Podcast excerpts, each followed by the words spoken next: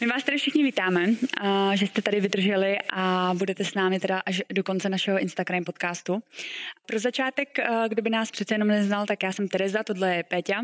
Péťa pracuje jako redaktorka Krimy v Blesku a já pracuji na Městském soudě v Praze na trestním oddělení a obě jsme tak nějak našli takový ten střed, co se týká toho podcastu, že jsme tam každá přinesli něco svého, tak doufáme, že aspoň něco málo vám budeme moc předat. Tak my jsme si pro vás dneska připravili tři kriminální případy, které se odehrály buď to v Ústí nebo v blízkém okolí, Ústí nad Labem a teda asi začneme. No, co tam máme na začátek, Terko?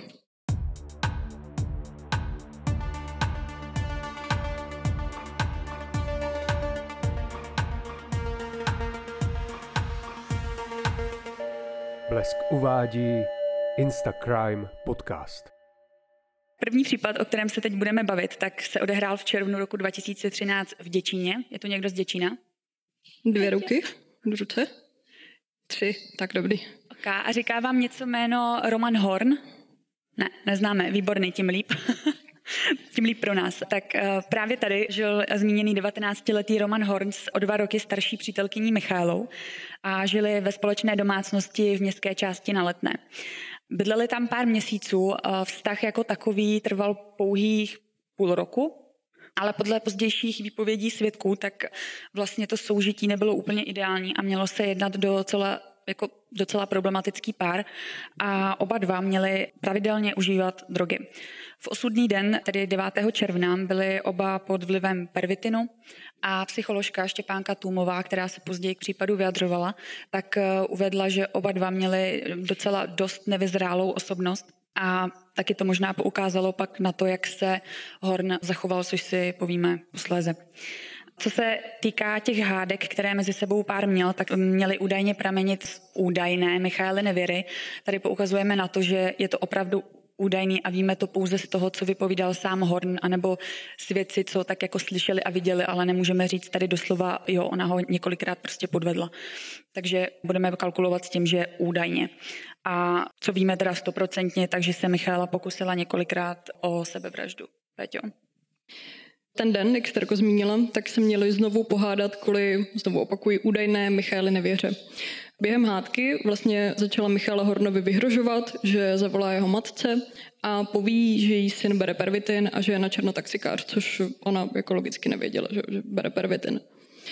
Taky říkala, že zavolá tady té matce a že matka vlastně by ho vyhodila z bytu, který koupila tady těm partnerům na leté, kde oni žili a ona za ně platila jako všechny jako nájem a prostě všechno za ně jako platila, takže oni tam byli de facto jako zadarmo v tom bytě.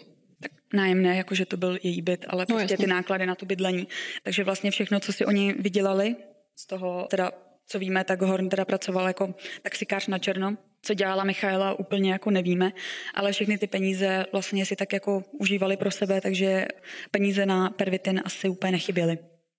Horn později popsal, že Michaela opakovaně říkal, ať už je sticha, což ona jako nebyla a v THC prostě pokračovala.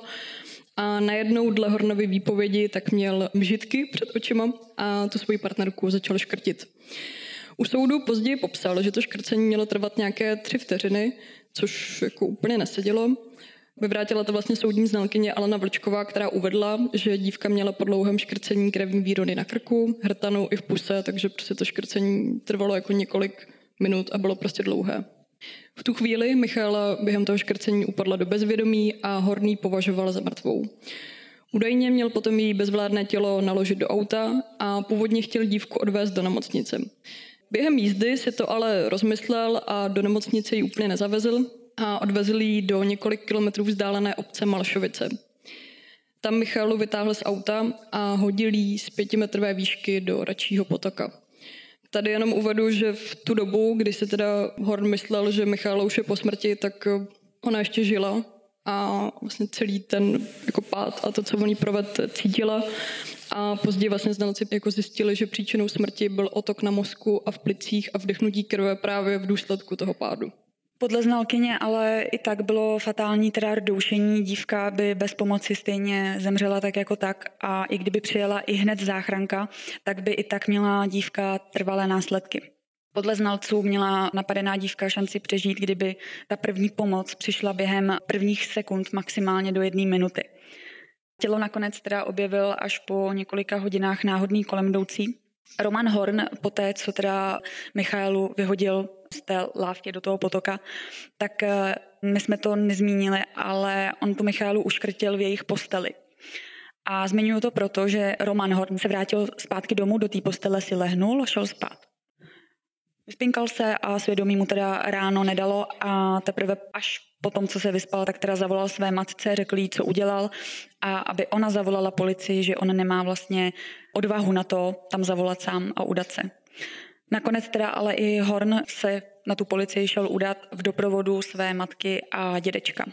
To samé přiznání pak zopakoval před krajským soudem v Ústí nad Labem a případ tady řešila předsedkyně Senátu Kamila Krejcarová.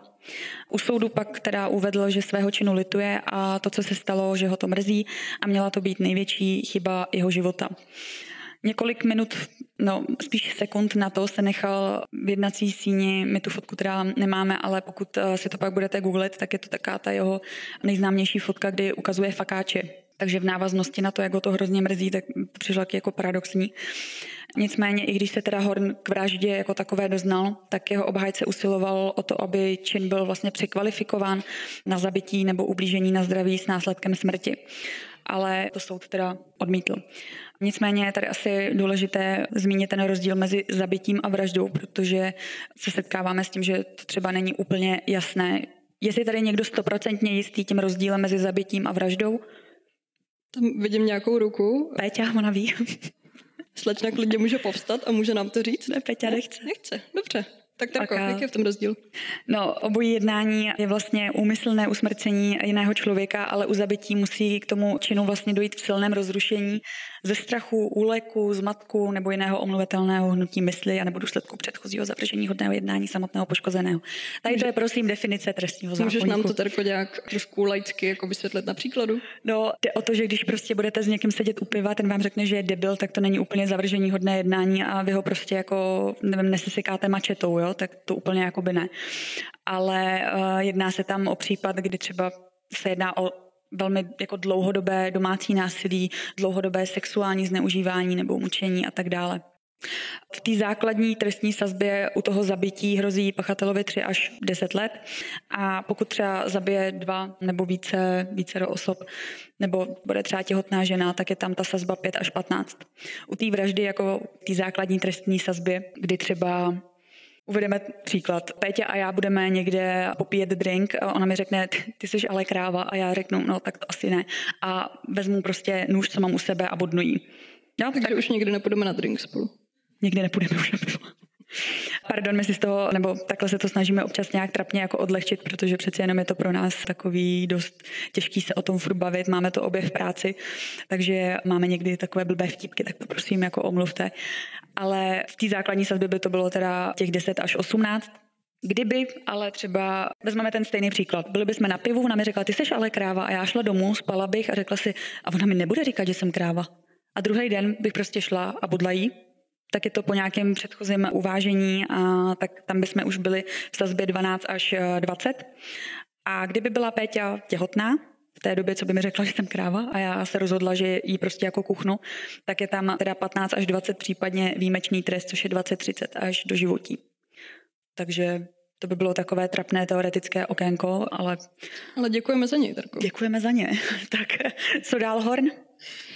U soudu později vypovídal i otec té zavražděné dívky, který uvedl, že s myšlenkou, že jeho dcera umírala v potoce odhozená jako pes, bude žít jeho rodina až do konce života. Znalkyně také dále uvedla, že Horn začal dívku škrtit, nebo to, že jí začal škrtit, bylo právě to jednání z afektu, jak se zmínila, ale to, jak si potom počínal v odklízení toho těla, to už právě bylo jako promyšlené že tedy to změnil po té cestě, že ji chtěl vést do nemocnice a pak ji tady vyhodil z toho mostu. Znalkyně také doplnila, že Horn od dětství trpí hyperkinetickou poruchou, která se projevuje nesoustředěností, všestranou, zejména jako emoční labilitou.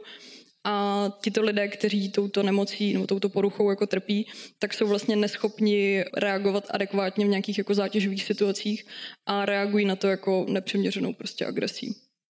Hornovi za vraždu hrozilo 10 až 18 let. Teď na vás mám otázku, nebo na vám jako tři možnosti, kolik si myslíte, že za vraždu dostalo. ABC. ABC. Takže za A buď dostal 10 až 13 let. Tak zvedni... Jenom zopakuju tu trestní sazbu 10 až 18. Tak kdo si myslíte, že dostal 10 až 13? Dobře. Druhá varianta je 14 až 16 let. To je vícero.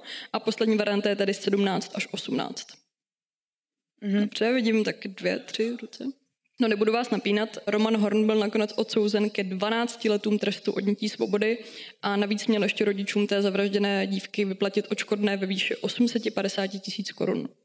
Hornovi, když to řeknu tak jako trochu lidově nebo laicky, tak eh, vlastně polehčující okolnosti bylo to, že se k činu doznal, spolupracoval s policií, toho činu litoval, předtím byl netrestán a bylo mu 19 let, takže byl tedy blízký věku mladistvého.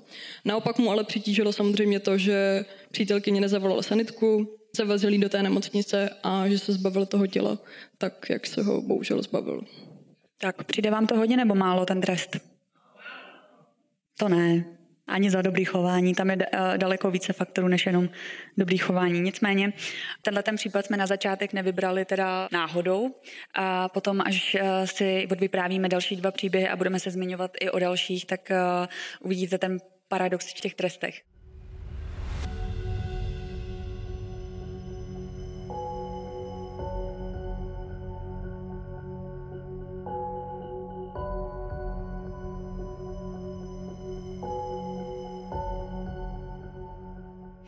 Nicméně teď se teda podíváme na druhý případ, což je taková super babička. No, máme tu ženu. I ženy spáchají často trestné činy. Většinou vždycky tam máme nějaké muže v našich podcastech, ale ženy máme fakt málokrát. Ty jsme měli fakt, nevím, přemýšlím, kolik jsme měli případů, tři, čtyři. Hmm, hmm. Ale i ženy páchají trestné činy. Tak tady máme takovou super babičku, kterou asi jako chce každý. Přesuneme se teda kousek od ústí a opět směr Děčín. Nevím, co vy to v tom Děčíně máte. Hrozný. A přesuneme se teda do Jílového. Případ eh, se odehrál v noci z 30. na 31. července roku 2015. Přibližně kolem půl druhé v noci spozorovala jedna z obyvatelek, že v rodinném domě její sousedky, invalidní důchodkyně Ireny Pravdové, hoří. Ta navíc v domě bydlela se svým teprve 13-letým vnukem, kterého měla v pěstounské péči. Sousedka si všimla, že okno do chlapcova pokoje je otevřené a začala tam házet kameny aby vlastně jako toho vnuka vzbudila a aby jako z nějak uvědomili, že hoří a stačili teda utéct. Což se teda mimochodem stalo a oba dva, jak ta babička, tak i ten vnuk se včas dostali ven. No, tak asi v ideálním případě bychom tady tohle vyprávění skončili, ale to by vás asi s proměnutím moc nezajímalo, nebo by to úplně k nám nepatřilo. A nebude úplně od věci, když si jako přiblížíme nějakou rodinnou situaci, která Irenu Pravdovou jako v tu dobu doprovázela. Seniorka v létě roku 2015, tedy v době, kdy k tomu požáru došlo, tak podle informací nebo dostupných informací z insolvenčního rejstříku, tak dlužila několika věřitelům 400 tisíc korun, což na, jako, já si osobně myslím, že je to jako dost peněz, ale ještě na invalidní jako důchodky, která asi neměla úplně vysoké příjmy, tak to nebyla úplně malá částka. Ta insolvenční správkyně vlastně Ireně Pravdové radila, ať ten rodinný dům prodá, že tak bude mít jako dostatek peněz a bude moct ty dluhy splatit. To ona ale z nějakého jako záhadného důvodu nechtěla, chtěla prostě v domě zůstat a odmítala ho prodat. Prodej domu z pozemky byl podle insolvenční správkyně jediný způsob, jak umořit dluhy. Cena domu je mnohem vyšší a dluhy šlo řešit i jinak, než tak, že přijdu já i můj vnuk o střechu nad hlavou, vypověděla tehdy seniorka u soudu. Vlastně Irena Pravdová celou tu vzniklou situaci nebo obvinovala z toho svého manžela, se kterým se v tu dobu rozváděla, dceru a hlavně tu insolvenční správkyni, která si podle jejich slov jenom chtěla jenom jako namastit kapsu. Ta správkyně ležela seniorce natolik v žaludku, že jí 29. července roku 2015, teď možná pozorní, kteří poslouchali to datum na začátku, tak to bylo pouhý den předtím, než došlo k tomu požáru, tak z Jílového poslala do Severočeského mostu dopis, který byl adresovaný právě této insolvenční správkyni a v tom mimo jiné vzkazovala, že jí ta správkyně donutila k tomu nejhoršímu a že má na svědomí dva lidské životy. Asi tušíte správně, že teda Pravdová s tím požárem domu měla co dočinění a podle obžaloby toho osudného dne podala vnukovi víno s tlumícími léky, aby usnul. To později u soudu teda potvrdila, ale zdůvodnila to tím, že šlo o omyl. Běžně si prý léky rozpouští ve víně pro sebe a dítěti ho dala nedopatřením. Nevím, jak dáte prostě dítěti... Jako, že si máš zapít své léky a, A- čirou náhodou je rozpuštíš jako v alkoholu a dáš to svýmu nezletilýmu vnukovi. A 13 jako není úplně jako, aby to dítě nepochopilo, že pije asi jako něco jiného, že jo. No, každopádně podle rozsudku zhruba hodinu po půlnoci na dvou místech v tom domě vylila připravený benzín, založila požár a šla si lehnout k vnukovi do pokoje. A do toho si sebou odnesla urnu s popelem svého syna. To odůvodnila pro změnu tak, že vzpomínala a chtěla ho mít u sebe. Požár se teda rozšířil o celém domě a pak je tedy zbudila ta sousedka s tím, že teda hoří. Obžaloba tehdy poukázala na to, že jen pár dní po, vlastně později to bude klasifikovaný jako pokus vraždy, pár dní potom se snažila pravdová získat 4 miliony korun jako pojistku za ten zničený dům. Do žádosti uvedla, že v domě začalo z neznámých důvodů hořet. To jí ale pojišťovna nevyplatila, takže teď tady máme invalidní důchodkyni, která má na krku trestní stíhání a je bez domu a s dluhama na krku. U krajského soudu v Ústí nad Labem seniorka později opakovaně tvrdila, že pokud za požárem nestál někdo třetí, takže muselo jít o technickou závadu. Vysvětlovala to vlastně tím, že ten manžel, se kterým se tou dobou rozváděla nebo byl v tom rozvodovém řízení, tak nenechal udělat revizi elektřiny a tak chytli kabely. Já teda nejsem jakoby úplně elektrikář, nebo nejsem úplně zběhla v tomhle. Jako předpokládám, že to asi jako může stát, ale je to trošku jako náhoda. Nicméně těch náhod tam jako v tomhle případu je mnohem víc. Pravdová tvrdila, že ona sama nic neudělala, prostě opakovaně říkala, že ona za to nemůže. V den, kdy odeslala dopis té insolvenční správkyni, jak už jsme zmínili, tak následně potom výlovem koupila na benzínce zhruba 2 litry benzínu do kanistru, což u soudu potvrdila, nemlžila, řekla, že to udělala, ale měla proto takovou trošku jako, nevím, řekla bych, bizardní výmluvu. A vlastně tvrdila u toho soudu, že ty 2 litry benzínu potřebovala kvůli tomu, že její soused jí slíbil, nevím, jestli to měla udělat přímo ona nebo ten soused, ale měl jí půjčit motorový křovinořez, který měla jako posekat eh, vysokou trávu pod trampolínou. Ona jako správná ženská měla na všechno jako výmluvu, jo? cokoliv, co vlastně jí usvědčovalo, tak ona sice jo, ale, ale, ženská klasika. No, tak eh, můžeme se domnívat, že to třeba byla pravda. Nicméně ten pan soused potom u soudu tvrdil, že o nějakém sekání věděl jako houbeles a když se potom procházely ty zbytky v okolí toho spáleného domu, tak tam vlastně žádný křovinořez nebo nějaký jako zbytky nebyly nalezeny, takže to vypadalo, že se paní Pravdová vymýšlí. Nicméně... Paní Pravdová vymýšlí. Paní Pravdová si vymýšlí, ano. Nicméně i na to měla seniorka odpověď a tvrdila, že ten křovinořez ukradli nějaký nenechavci, cituji, takže prostě sever. Takže se tam hoří a někdo vám jde krást křovinořez na zahradu. Tak. Ústí, Ústí a Děčín. Seniorka to dále argumentovala tím, že by rozhodně nestihla rozdělat oheň, rozšířit ho a následně usnout. Nevím, kdo z vás, ale já rozhodně Superman nejsem, zazněla tehdy u soudu. S nikým z té rodiny vlastně neměla eh, pravdová úplně vlídné vztahy, navíc se od ní začal vzdalovat i ten vnuk, kterému dělala pěstonku a podle soudu bylo prostě motivem jejího jednání pomsta.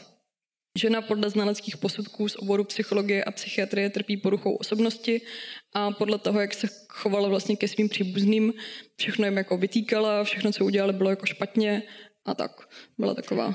Nicméně Ireně Pravdové hrozilo 15 až 20 let vězení, případně i výjimečný trest, Ta- tak tady můžeme dát naší oblíbenou anketku. Jo. Já vám dám zase tři možnosti. Tak kdo si myslíte, že dostala 15 až 17 let? Dobře. Další možnost je 18 až 20. Kdo si myslíte, že dostala výjimečný trest? A kdo nehlasuje? A tamhle vidím jednu ruku. Znova, nebudu vás napínat, v srpnu roku 2016 Krajský soud v Ústí nad Labem rozhodl, že Irena Pravdová stráví za mřížemi 16 let. Trest byl ženě podle předsedy Senátu Jiřího Bednáře uložen s ohledem na skutečnost, že nešlo o dokonání toho trestného činu a že obžalovaná byla tou dobou dosud netrestána. Pravdová se proti rozsudku odvolala, protože celou dobu vinu nepřiznala, říkala, že ona to nebyla. Nicméně v listopadu téhož roku verdikt potvrdil i vrchní soud v Praze, takže šla sedět. Takže už jsme tady měli teda dokonanou vraždu, a za to bylo teda 12 let, teď tady máme pokus 16 let. Já nevím, mně to přijde asi upřímně možná trošku, trošku zvláštní v tom srovnání. Jakože když máš vraždu, že někoho jako zabiješ, s těma všema okolnostmi. Jako chápu, že náš trestní zákonník pořád kalkuluje s tím, že pokus, tak se na to hladí pořád jako na dokonanou jako vraždu. A... navíc ten její vnuk byl teda jako nezletilý, ještě jednou zopakuju, že mu bylo jako 13 let. Hmm. Nicméně na druhou stranu, kdyby je neprobodila podle mě ta sousedka těmi kameny a oni tam oba jako asi zemřeli, jak ta pravda s tím vnukem, tak za to samozřejmě nebyl jako kdo souzen. A pokud ona by se z toho domu nějakým jako zázrakem dostala a přežila to, tak eh, vlastně nevím, kolik jako by teoreticky mohla dostat. Teď jsem čekala nějakou reakci. uh, jo, nevím. jako uh, to už je pak hodně jako teoretický, že teď pořád budeme kalkulovat s tím, že teda dostala šestnáctku a, a báby je v chládku.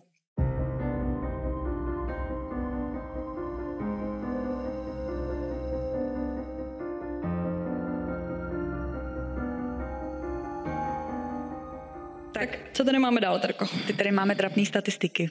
Takže za námi máme mapu, kterou ještě tady moc úplně nevidíte. A jedná se tedy o mapu kriminality, která je měřena, nebo je to časový úsek od 17. května roku 2022 až do dnešního dne. Můžeme tam vidět, že za ten rok se v Ústí nad Labem a jeho blízkém okolí došlo ke 2110 trestným činům. Myslím, že asi někoho z nás tady v sále nebo posluchači nebo diváci jako nepřekvapí, že na prvním místě tu máme krádeže a jinou majetkovou trestnou činnost. Ta jiná majetková trestná činnost je například daňová trestná činnost, porušování pravidel hospodářské soutěže, neoprávné provozování činnosti, celní trestná činnost a tak podobně. Pak tu máme samozřejmě nějaké podvody a krádeže vloupáním, a se 176 případy tu máme násilnou kriminalitu. Sem řadíme různé loupeže, vydírání, nebezpečné vyhrožování, únos, obchod s lidmi nebo s lidskými orgány, ale samozřejmě taky vraždy. Těch se za ten uplynulý rok, tedy od května roku 2022. Počkej, neříkej to, neříkej to. Máte Dobře. někdo tip, uh, kolik vražd se mohlo za rok odehrát v Ústí nad Labem a jeho okolí? Deset? Sto, stopade? To, to je solidní 150, tak to, to, to úplně není. To, to tam není jako. Střelený, ale... 50. 50. 20. OK, OK. Dobře, okay. dobře. No tak kdo jste tam volal 20, tak jste se téměř trefili, bylo to 21. Jenom jako pro porovnání, my když jsme to stres připravovali a procházeli jsme si jako ty materiály a ty rešerše, tak já jsem se docela divila, že teda v Ústí a okolí to bylo za ten rok 21 a v Praze to bylo 49, takže jako téměř prostě polovina oproti jako milionovému jako hlavnímu městu. A se 129 případy se nám tu umístila toxikomanie. Já nevím, jak vám mě to přijde málo, teda na ústí. Jakože tam asi opomněli nulku, bych řekla, ale tak dobře. Budeme počítat s tím, že se jako policie nemírí a opravdu tady máme 129 případů za celý rok. Já myslím, že to tady je za víkend, ne? Tak jakože... Ale budíš, řadíme tady jako nedovolenou výrobu, držení, prodej omamných látek, šíření toxikomanie, prostě víme, nebo víte, nebo rozumíme. A teda, abychom to měli opět eh, v porovnání s tou Prahou, tak eh, tam je takových případů 1867 což si myslím, že tady by Ústí fakt zvládlo za ten týden, ale tak jako neměli data. Jo, vyměnili, no, tak uh, vyměnili data, no. Pak tady zbývají už jenom dopravní nehody, obecně nebezpečná kriminalita, tam je třeba nelegální nakládání s odpady a nedovolené ozbrojování, takový trapárny, jako, že pro nás uh, nezajímavý. A s jedním případem se Ústí nad Labem může chlubit, co se týká trestného činu extremismu. No, nevím, jestli je to úplně chlubení, Trko. Já jsem to řekla jako v uvozovkách, že? Což teda může být podněcování k národnostní rasové nenávisti, anebo třeba propagace terorismu. Já nevím, jak si představujete propagaci terorismu, ale v Praze jsme měli případ Jiřího Kopřivy, ten vlastně byl obžalován z propagace terorismu a ten psal takové nenávistné komentáře na stránku Návrat do reality. Jak si všichni říkají, že můžou vlastně komentovat kdekoliv cokoliv, protože svoboda slova, já nevím co všechno, tak přesně za takové komentáře ty tam takhle byly pod sebou jako vyjmenovaný. Asi, promiň, že to zaskáču, asi je možná dobrý zmínit, my samozřejmě nebudeme citovat, ale že to bylo jako nenávistné komentáře vůči různým rasám a menšinám. Když to řekneme takhle korektně, asi si to hmm. umíte domyslet. A pak teda eh, vylepoval po Praze 40 letáků s tím, kde on vlastně schvaloval, jestli si pamatujete, smrt našich tří českých vojáků v Afganistánu. A on to vylepoval s tím, že vlastně nesouhlasil s tou válkou v tom Afganistánu a měl takové, jak to říct? Nevybíravé. Ano, Nenávist. s tím, že naši, naši čeští vojáci tam neměli co dělat a že jim to jako patří. A za tyhle ty letáky a ty komentáře mu hrozilo až 15 let. Kolik si myslíte, že dostal? To vy jste úplně hrdlořezy, podmínku dostal. Za letáky, ty oni by tady už na doživotí, šup, deset, nazdar. Vyřešeno další, moje máma úplně deset let, nazdar. no, ale pak za covidu ukradneš housky a jdeš si sednout do chladku na dva roky. Ty. No, každopádně uh, v Praze je takových uh, případů extremismu 96. Tam máme asi víc nenávistní jako lidi, že?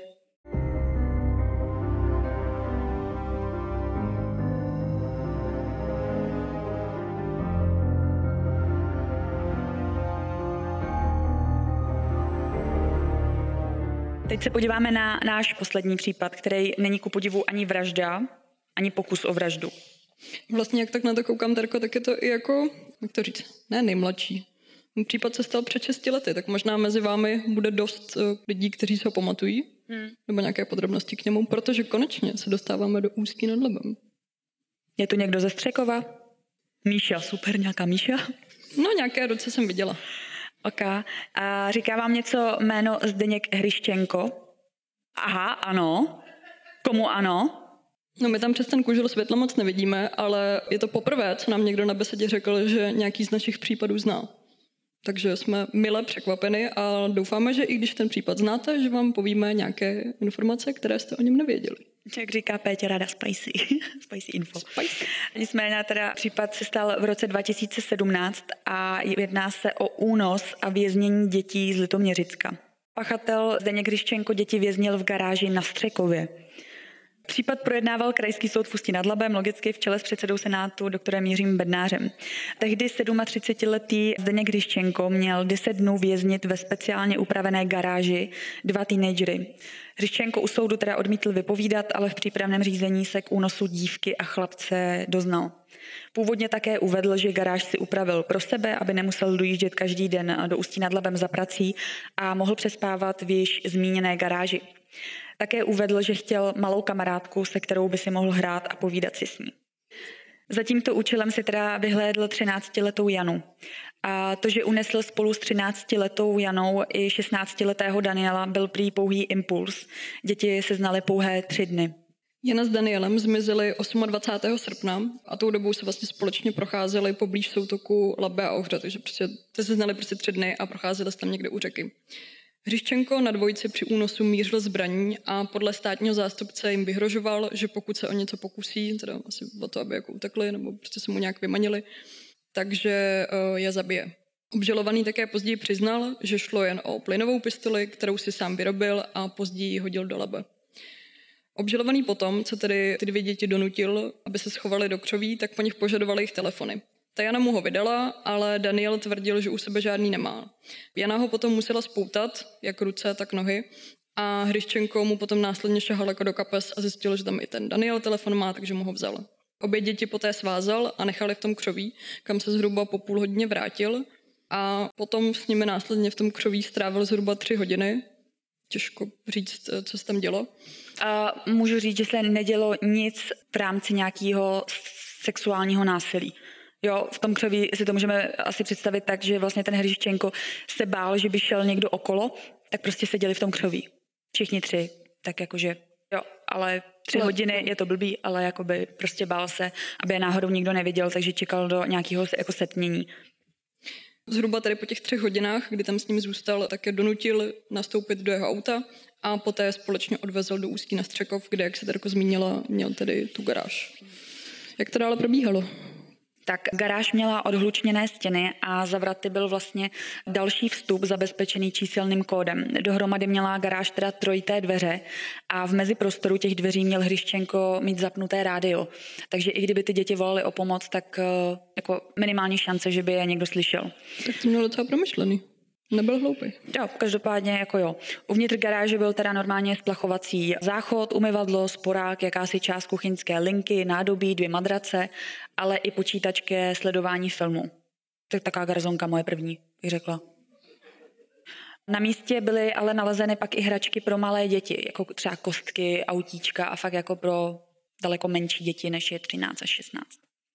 Únosce jim měl vlastně neustále dokola říkat, že je chce jako kamarády, že on sám žádné nemá a že je potřebuje. Hryščenko docházel dětem dávat jídlo a vodu, také jim několikrát vyhrožoval teda zabitím a zakopáním, pokud budou křičet a volat o pomoc. Mezitím se však eh, samozřejmě rozjelo rozsáhlé pátrání po obou dětech. Díky té vytrvalé jako komunikaci jedné z matek na sociálních sítích, kam zveřejnila žádost o pomoc, tak eh, se vlastně do toho hledání po těch dětech zapojilo jako desítky dobrovolníků. A děti mohly, co se týká jako nějakého čerstvého vzduchu, tak mohly před tu garáž jako za nějakého dohledu toho hryščenka a pak zase jako šupem zpátky. Tak jako asi logicky předpokládám, že nechtěl, aby mu jako utekli, že kdyby je tam pustil sám. V té garáži Hryščenko pouštěl Janě dětské porno, kdy ji nutil dívat se na záznam s malou masturbující dívkou. Hříščenko byl mimo jiné obžalován právě z výroby a přechovávání dětské pornografie. Sám měl totiž několik měsíců tajně natáčet dívku, přitom kdy se převlékala do pyžama a z těch získaných záběrů měl se stříhat prostě nějakou několika minutovou sekvenci. V garáži byla později objevena i další videa s tématikou dětské pornografie, byly na ní prostě chlapci, dívky a tak. Nebudeme to asi úplně rozvádět. Na svobodu se Daniel s Janou dostali 7. září, kdy do objektu vnikla policie. Jenom tedy zopakuju, že v té garáži byli drženi 10 dní. Stalo se tak poté, co únosce povolil dvojici napsat dopisy rodičům. Podle Danielových slov v nich měli uvést, že jsou v pořádku a že jsou u kamarádů a že se jako nic neděje. Místo toho ale Daniel do toho dopisu vepsal, kde se nacházejí a jeho rodiče, když to následně přečetli, tak samozřejmě zalarmovali policii. Tady jenom dodám, že to nebylo, že on by tam napsal jako ahoj mami, jsem tady a tady, ale že se snažil nějak jako zašifrovat prostě do toho textu, že ty jeho rodiče by pochopili, kde tedy jako se nachází a co se s nimi děje. Jo, jako ten únosce to po nich jako samozřejmě četl, aby tam nenapsali, hele, máme prostě drží nás nějaký divný týpek v nějaký garáži na Střekově. Ale bylo tam uh, něco v tom smyslu, že tam, kde jsou, že tam moc jako nesvítí slunko a že na Střekově, že tam je moc hezky a ten únosce prostě jako to nepochopil. Ale díky bohu ty, ty rodiče jako jo. Policie tedy našla děti právě díky tady tomu Danielovu dopisu. Je možná trošku jako zarážející, že policie na místě u té garáže byla už den předem, ale podle následných závěrů, nebo vlastně ten den předem, kdy tam byla, tak jako nedošli k závěru, že by tam ty děti byly. Danielova matka si později dost stěžovala na postup policie, která podle ní k tomu případu přistupovala trochu jako laxně, dle jejich slov ale nakonec, když to bylo vyšetřeno, tak se ukázalo, že policie nikterak nepochybila, že prostě dělala všechno správně.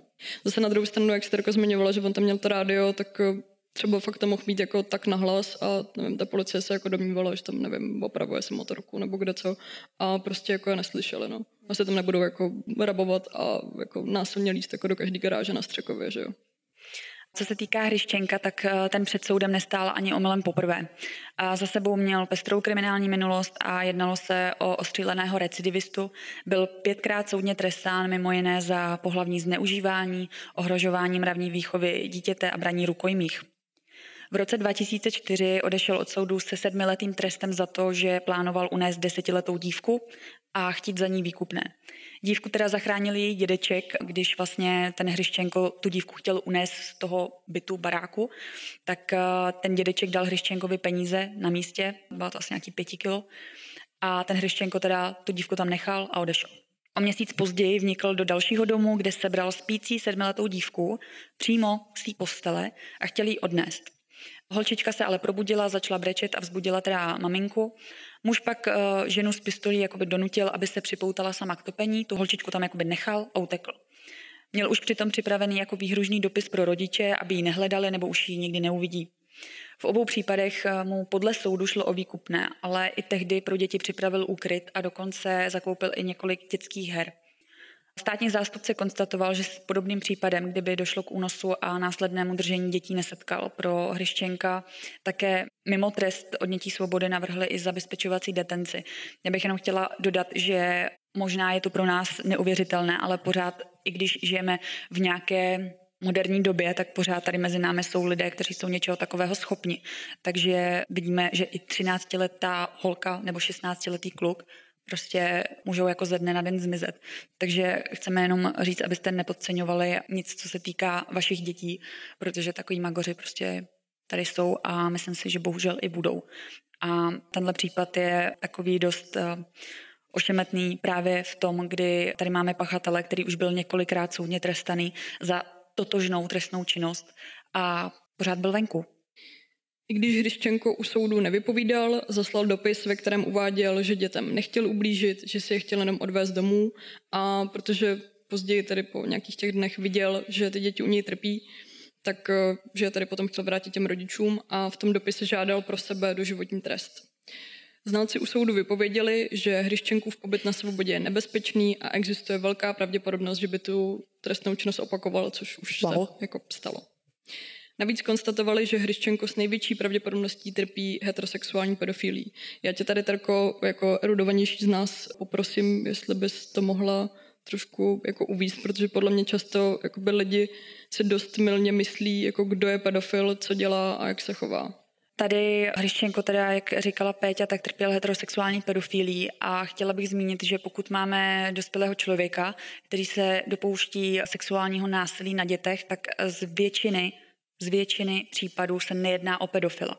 Pedofil většinou tomu dítěti nechce ublížit, Vím, že vám to zní prostě jakkoliv blbě, tak prostě bohužel tak to je. Pedofil jako takový nemá v povaze dětem ubližovat. Sexuální násilí se prostě dopouští člověk, pro kterýho je vlastně to dítě takovým snadnějším terčem, něco dostupného ale pokud máme nějakého pedofila, který to dítě znásilní, tak většinou se jedná o pedofila, který má ještě třeba sadistický sklony nebo je třeba mentálně, má Zastoj. nějakou mentální poruchu. Ale nikdy jako pedofil jako takovej, tak tomu dítěti jako ublížit nechce. Chce se k tomu někdo něco zeptat, my se k tomu asi pak už eh, radši vracet nebudeme. Ne? Ok. Hryščenkovi za únos a držení dětí hrozil maximálně 12-letý trest. Nicméně Senát Krajského soudu v Ústí nad Labem přistoupil k mimořádnému zvýšení sazby, protože, jak už jsme zmínili, jednalo se o recidivistu, dětem byla způsobena těžká újma na zdraví a jeho možnost resocializace byla minimální. Tak, naše oblíbená otázka.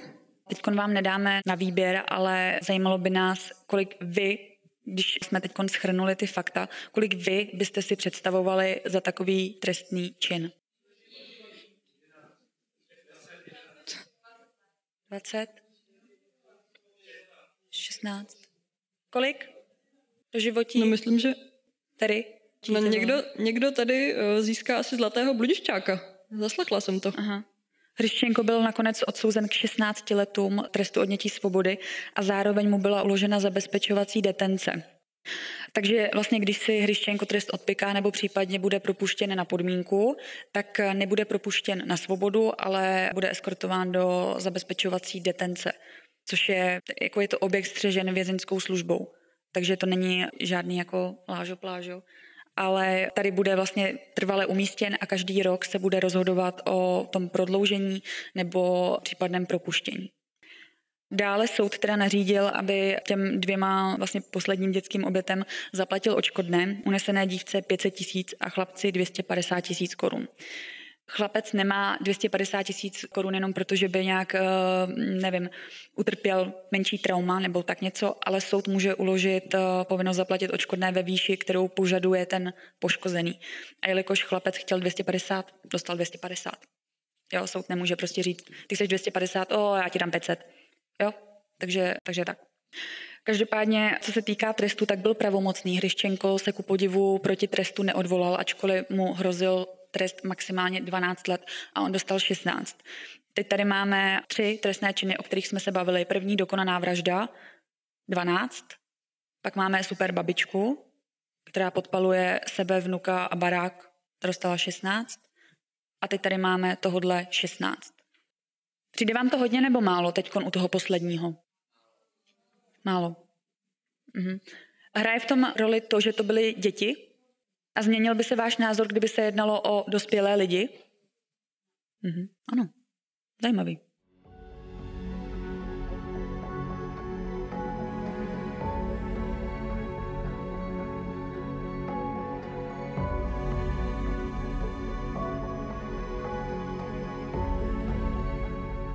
No tak jo, tak uh, My jsme vám teda představili tři kriminální případy, které jsme si šetřili tady na besedu z Ústí a okolí, ale už jsme Terko nějaký natočili, že jo, o Ústí a jsme okolí. O Ústí a okolí jsme už natočili díly, kdybyste si chtěli případně poslechnout. My vám je jenom tady schrneme v rychlosti. Říká vám něco jméno Miroslav Rytich? A znáte to od nás? To je špatná odpověď. Hodně špatná. Miroslav Rytich, pro ty, co by nevěděli, tak pohybujeme se v roce 2007, kdy na svoji přítelkyni, která ležela v posteli, tak úmyslně jí hodil 16,5 kilovou činku na hlavu. Poté ji rozřezal a její hlavu našli děti, co si hráli na sídlešním hřišti gymnázia. Teda dostal 14 let, dnes je na svobodě. Tak doufejme, že nemá Tinder třeba. Není tady? ne, to byla blbá sranda. V jednom z minulých nebo uplynulých dílů v posledních týdnech jsme se bavili i o Robertu Schneigerovi, je to případ z roku 2007. A ten ubudal svoji bývalou přítelkyni sedmi noži a způsobil jí, nebo do těla jí dal 65 bodných ran. Bylo to v Žižické ulici, mami, pamatuješ, tam jsme bydleli. Každopádně sedmi noži on je měl zároveň v rukou. Všech sedm. Takže my si to neumíme představit, ale jako bylo to tak, no. Původně měl Schneiger dostat do životí, nicméně vrchní soud mu snížil trest na 23 let a trest se bude odpikávat do roku 2031, pokud tedy nebude podmínečně propuštěn. Tady ten případ budete znát všichni. Honzí Krokos. Aha. Pokud eh, by si to chtěl někdo poslechnout, tak eh, jsem o tom ještě natáčela díl sama ještě bez péti, ale jedná se taky o případ schodu náhod taky z roku 2007, kdy matka se svým přítelem zavraždili jejího pětiletého syna Honzíka. Matka mu vpíchla do žíly vzduch a poté ho ubodala a spolu s přítelem ho uložili do předem vykopaného hrobu. Po pár dnech ho zase vykopali, jezdili s ním v autě a zastavila je náhodná hlídka. Matka teda dostala 24 let a její přítel 20 let. Možná vy, co nás posloucháte déle, tak eh, my jsme na začátku roku s Terkou spustili takovou podcastovou minisérii, která nesla název Kde jsou a tam jsme se věnovali vlastně případům zmizelých dětí, případně dětí, které byly zavražděny a dodnes není tedy známo, kdo je zabil nebo kdo byl jejich vrahem. A otvírali jsme to případem, který předpokládám, nebo myslím si, že většina z vás asi bude znát. A je to případ z roku 2017, konkrétně zmizení Michály Muzikářové, která zmizela, dodnes se nenašla a hlavní podezřelý, což byl Otakar S., který byl podezřelým ze sexuálního obtěžování nezletilé dívky, tak eh, vlastně spáchal sebevraždu, takže tento případ nebyl, nebo zatím nebyl vyřešen. Každopádně případ není odložen a pořád, eh, ačkoliv už třeba není v nějak v popředí, tak pořád se po dívce nebo jejím těle pátrá. Každopádně v červnu teď bude vycházet díl o tyranech z Krupky. Je to případ z roku 2010, kdy poblíž nádraží v Bohosudově byl znásilněn a mučen teprve 12-letý Patrik, přičemž tyranům bylo pouhých 14 a 17 let. O tomhle případu teď nebudeme moc eh, detailně mluvit, protože jsme ho fakt jako detailně zpracovávali a bude vycházet během června. Takže je to blbý říct, jako můžete se na ně těšit, že? Ale nevíme, můžete co mám. si ho poslechnout v budoucnu. Takže jsou tady nějaké dotazy na Terku a Péču. Nebojte se, ptejte se. Tak já bych se chtěla zeptat, jaký případ, jako v tom vašem průmyslu, nebo prostě co se zabíráte těma kriminálníma případama a tak, jako vás zasáhnul osobně jako nejvíc? Začneš ty, nebo mám začít já? Myslím, tady tu otázku jsme dostali, když jsme byli v Ostravě a myslím, že s Terkou se jako relativně asi jako shodneme na takových dvou, třech jako nejhorších. Ale určitě za mě je to případ eh, z Bulovky, Jaroslav Oplíštil, jestli se nemýlím. Tam muž, co byl sanitář, tak unesl dvouměsíční holčičku a přinesl si ji na ubytovnu, tam ji znásilnil a nechal ji pod postelí. Každopádně o tom jsme taky díl natáčeli, taky se na tom shodneme. Pak eh, samozřejmě klasika, ne klasika, ale je to pro nás jakože docela mord. Štefan Svitek, ten vlastně vyvraždil jako manželku, dvě děti, nad jejich tělama masturboval a manželka, která byla těhotná, tak eh, vlastně vyřízl ten plot a taky jako hrozný. A za mě asi ještě, nebo mě se to jako asi hrozně dotklo o tom, když to popisovali jako kriminalisti, jak to všechno jako bylo. Já se teďka nespomenu na křestní jméno, ale byl to Peca, vzpomneš si jako na křestní? Josef. Josef. A to byl vlastně muž, který zavraždil dost jako brutálně svou ženu, své dvě dcery a potom až tak jako, já nevím, téměř jako rituálně na ty jejich těla, který ubodal, jestli si to dobře pamatuju, tak eh, na ně házel jako květiny a pak napsal jako x stránkový prostě dopis, kde si vlastně jako vylejval srdce, že oni jako se k němu chovali jako zlé a že on jako je ten ublížený a tak. Tak hmm. z toho mi bylo taky dost jako... A musím upřímně říct, že mě asi zasáhl i ten Hryščenko. Tím, že jako 22 let jsem žila v Ústí, o tom případu jsem vůbec nevěděla a bylo to jako fakt něco, co se vám odehrává skoro před barákem, tak je to přeci jenom něco, co se vás jako dotkne trošku, trošku jinak, než když to slyšíte třeba ze zahraničí. Vyprávěli jste o nějaký příběh i o kanibalismu, že někdo vysloveně pojídal nějaký oběti? Uh, myslím, že dobo, rozhodně jsme spolu takový díl neměli. Myslím. A my, my jich jako moc nemáme. Máme no. hojera, to, je to už je taky no. profláklý, ale třeba případ jaj. No jo, ano. Knur. Píšeme si na další díl, děkujeme. Ale připomnělo mi to ten eh, díl, jak se jmenoval ten chlap, jak eh, zavraždil toho týpka, znásilňoval tu ženskou tou díkou, nebo co to bylo? No, ten jsme měli jak nedávno, no. Ten taky vařil vnitřnosti toho přítele v hrncích a nevíme, jako co s tím úplně dělal. No, to je ten problém, když prostě každý týden, uh, já to mám v práci na denní bázi, pak přepravujeme samozřejmě ty díly nějak jako dopředu, že ty besedy, nějaký jako další aktivity, tak uh, nám pak jako splývají ty jména a kdo udělal jako co. Ale vyloženě jako případ eh, kanibalismu jsme jako nespracovávali a jich jako málo, no. U nás se lidi moc jako nežerou. Já jsem Pétě dala k Vánocům super dárek. Já jsem říkala, že to teda nebudu říkat, ale řeknu to. Já jsem jí udělala pexeso s ksichtama těch lidí, o kterých natáčíme. A vyhrává ta, co to otočí a řekne i to jméno. Je to hrozný, ale je to takový, bylo to naše taková odlehčená verze. No samozřejmě teď, kdybychom se měli podívat na ty ksichty, tak nevíme. Hmm. Mě by zajímalo, jak našli ty děti v té garáži, když tam hrálo to rádio na tom Střekově. No tam šlo o to, že vlastně ten kluk napsal ten dopis, kde ty rodiče tak nějak vydedukovali, kdyby mohli být. A pak už, eh, pak už to šlo jenom jako hledat, no. Hmm. Jako nevíme i, že to byla přesně třetí zleva, to asi jako úplně ne. Bylo by fajn, kdyby jsem tady měla nějakého policajta nebo nějakého kriminalistu, který by nám to objasnil, ale nepředpokládám, že máme takové štěstí, že by tu někdo takový seděl. Jako kdyby to přímo vyšetřoval, ne? Hmm. Bohužel víc k tomu nevíme. To, co jsme zjistili, tak eh, to jsme vám řekli. Někdo něco? No tak jo, my vám s Terkou děkujeme, že jste přišli. Moc jste nás eh, potěšili, jste s námi tak hezky interagovali, že je vás tady dost. Čekali jsme tady méně lidí. Každopádně my tady ještě na tom pódiu chvíli zůstaneme, kdyby někdo náhodou něco potřeboval, chtěl, tak eh, tady budeme sedět jak dvě pecky, a, takže můžete se když tak stavět. A kdybyste někdo chtěl, tak než tak zhruba za eh, nevím kolik eh, minut ne, pivo, odjedeme. Jo. Já si dám malý, ne? Já si dám. Tak kdybyste někdo chtěl rychlo pivo, tak můžeme se sejít. Každopádně my vám fakt děkujeme, že jste dorazili a budeme se těšit třeba zase někdy příště.